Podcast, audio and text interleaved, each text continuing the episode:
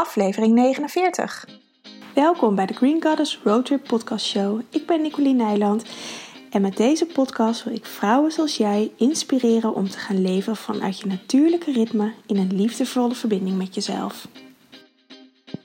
Yes, welkom weer bij een nieuwe aflevering. Ik zit hier echt uh, half naakt op de bank.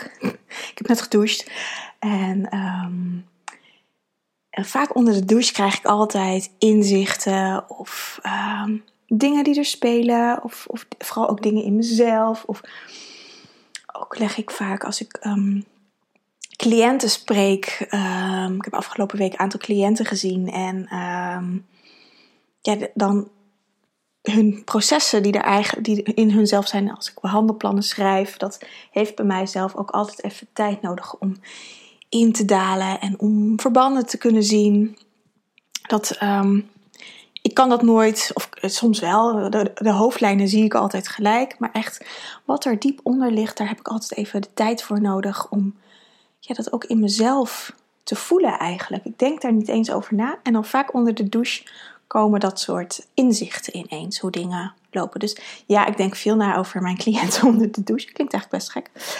Maar, of op, op de fiets, of als ik aan het wandelen ben. Weet je, als er maar dingen uh, stromen, dan, um, dan komen vaak de verbanden. En ik uh, zat net met een vraagstuk eigenlijk, die ik heel veel krijg.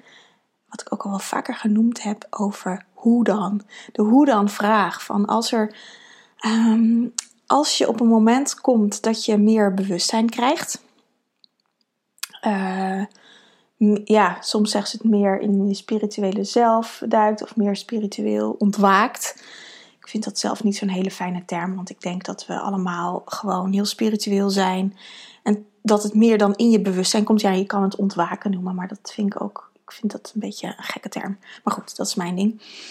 Um, maar dan komt er zo'n moment als je spiritueel ontwaakt, als, het in je, als je uh, spirituele bewustzijn wakker wordt, nou, dat is eigenlijk een beetje hetzelfde als, het, als je gewoon dat bewustzijn krijgt, dat je in een fase komt dat je het eigenlijk wel weet, dat je een soort van de toekomst voor je ziet, hoe je het graag zou willen, maar dat je niet zo goed weet hoe je het moet doen of uh, ja, hoe dingen, uh, ja, hoe je dan, uh, nou bijvoorbeeld rituelen zijn natuurlijk nu heel populair om te doen. Het is ook ontzettend belangrijk.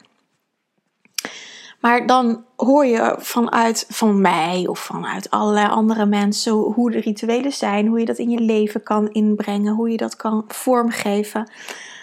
Maar dat past misschien helemaal niet in jouw eigen structuur. Dat is niet jouw ritueel, het is een, een ritueel van iemand anders. Natuurlijk kan je je door laten inspireren, maar vaak zijn we er zo op gericht, zo zijn we ook allemaal opgeleid op school, dat je dingen kopieert. Dat je, je leert hoe je moet uh, rekenen en je leert hoe je moet lezen en die methode moet je toepassen. Zo, um, zo zijn we eigenlijk allemaal grootgebracht, letterlijk.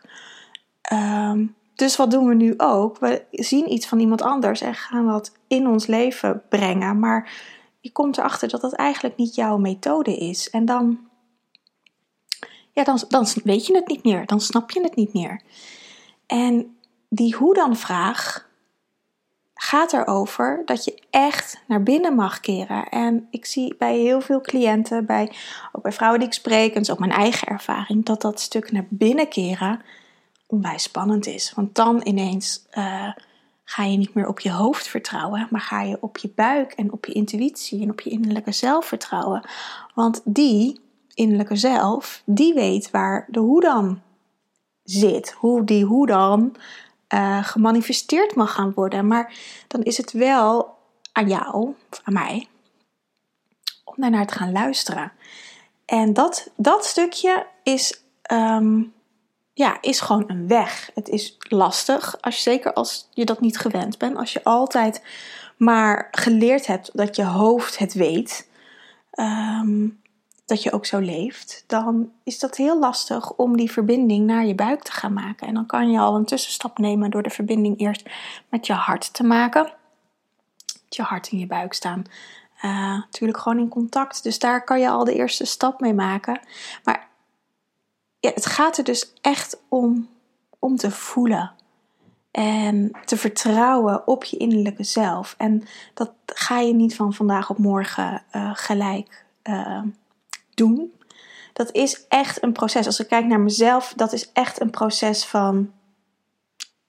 Nou ja, eigenlijk tot aan, tot aan mijn, uh, nou wat zou ik zeggen, 233ste denk ik. Dus dat is, nou, zo lang. Um, en vanaf het moment dat ik mijn bewustzijn had, was ik denk ik uh, 223. Dus nou, dat heeft een dik tien jaar geduurd voordat ik dat echt durfde om daar volledig op te vertrouwen. En dat betekent niet dat ik daar nooit op vertrouwde, want um, alle beslissingen die ik maak, maak ik vanuit mijn intuïtie, vanuit mijn buik. Als ik voel, dit moet ik doen, bijvoorbeeld een opleiding of uh, met iemand in contact zijn, dan is dat die impuls komt vanuit mijn buik. En ik denk dat iedereen dat heeft. Alleen is het gewoon uh, dat je dat mag gaan herkennen, dat dat uit je buik komt. Want dat wist ik ook niet. Um, maar als ik zo terugkijk naar mijn leven, of in mijn leven, dan kwamen alle beslissingen, alle, mijn diepste verlangens komen niet uit mijn hoofd, maar komen uit mijn buik. Dus het is die, die hoe dan, hoe moet ik dingen doen, hoe moet ik dingen um, neerzetten in mijn leven. En dan krijg je al gelijk het woordje moeten erbij. Je, je moet niks. En je moet ook letterlijk niks. Je, als je dat gaat forceren met moeten, dan zit je al gelijk in je hoofd. Want dan ga je dingen bedenken. En dan, um, ja, dan werkt het natuurlijk niet.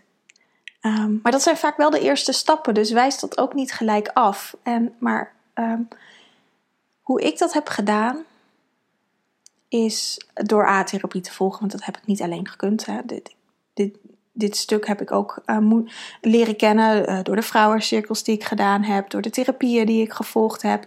Dus door uh, de natuurgeneeskundige therapieën die ik gevolgd heb, is steeds een laagje, eigenlijk van een soort, nou ik vergelijk het altijd met een ui.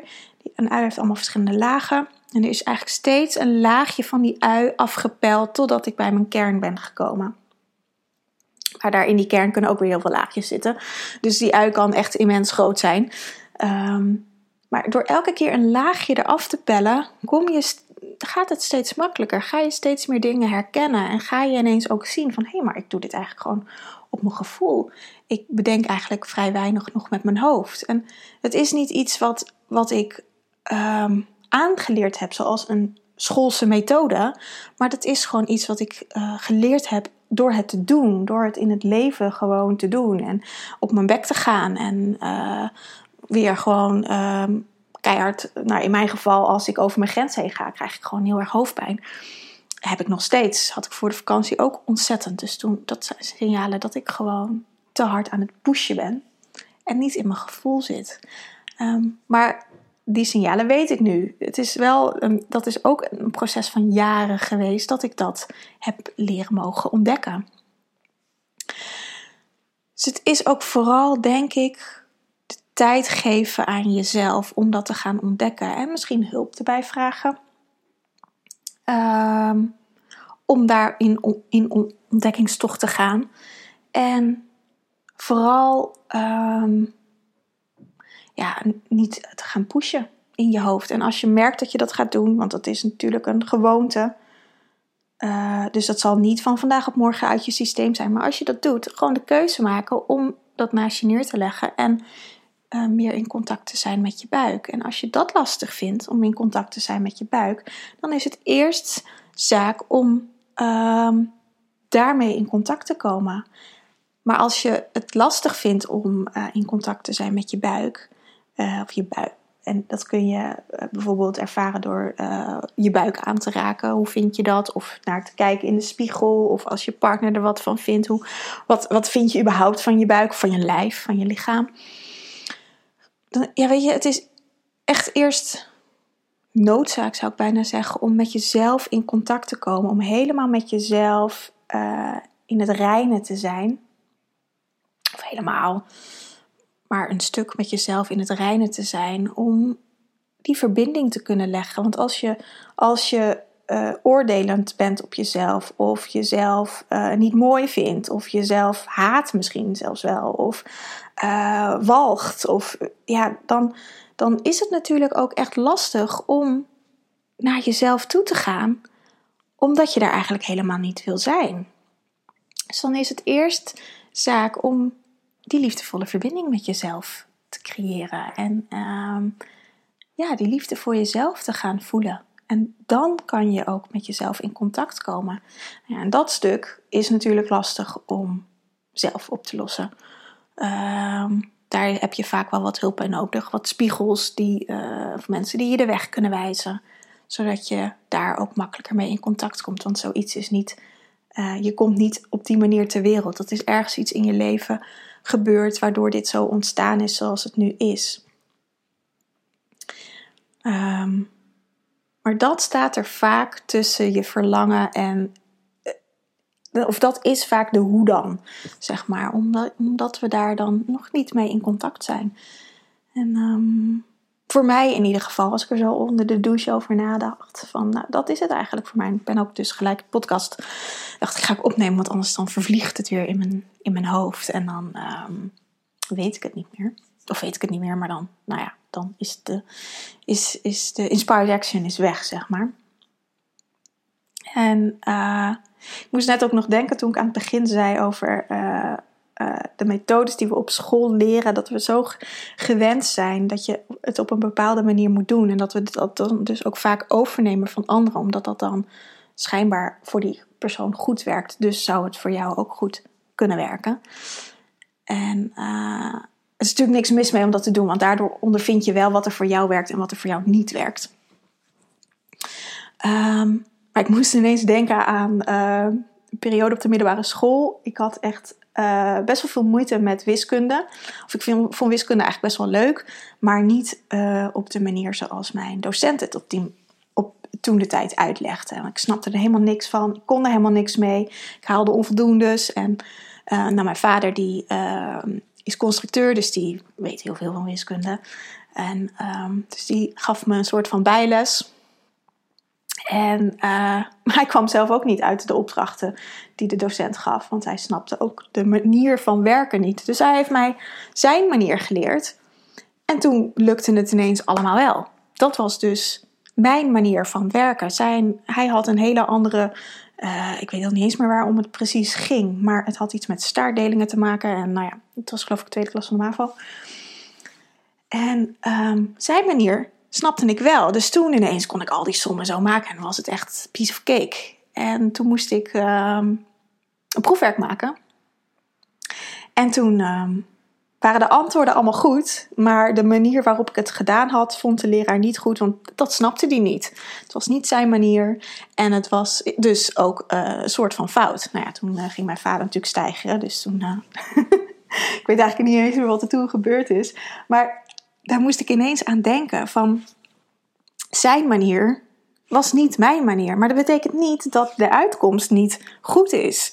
Het gaat uiteindelijk om de uitkomst en niet wat voor een weg je aflegt. En um, dat is denk ik ook iets wat je in gedachten uh, mag houden.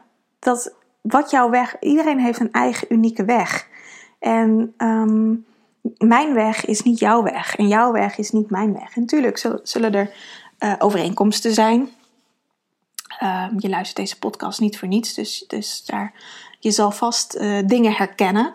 En uh, het is ook altijd mooi, vind ik dat in mijn praktijk, dat elke cliënt die ik krijg, daar herken ik zoveel in van mezelf. Of, um, en het hoeft niet eens letterlijk dingen te zijn, maar gewoon de uh, processen waar ze vaak tegenaan lopen. Dat ik dat ook heb gehad um, in het verleden. Of, of nou, soms ook wel dat, ik, dat dat vraagstukken zijn waar ik de week daarvoor mee heb gelopen. En dat ik denk, oh ja, daarvoor heb ik dit dus even eerst door moeten uh, maken, zodat ik mijn cliënt weer verder kan helpen.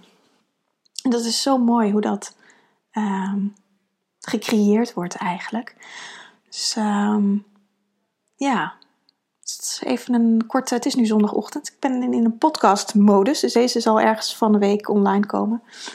En uh, ik heb straks een verjaardag, en, of twee verjaardagen trouwens. Dus uh, ga zo. Oh, moet zo. Oh, ik zie dat, oh jeetje, ik ben al veel te laat.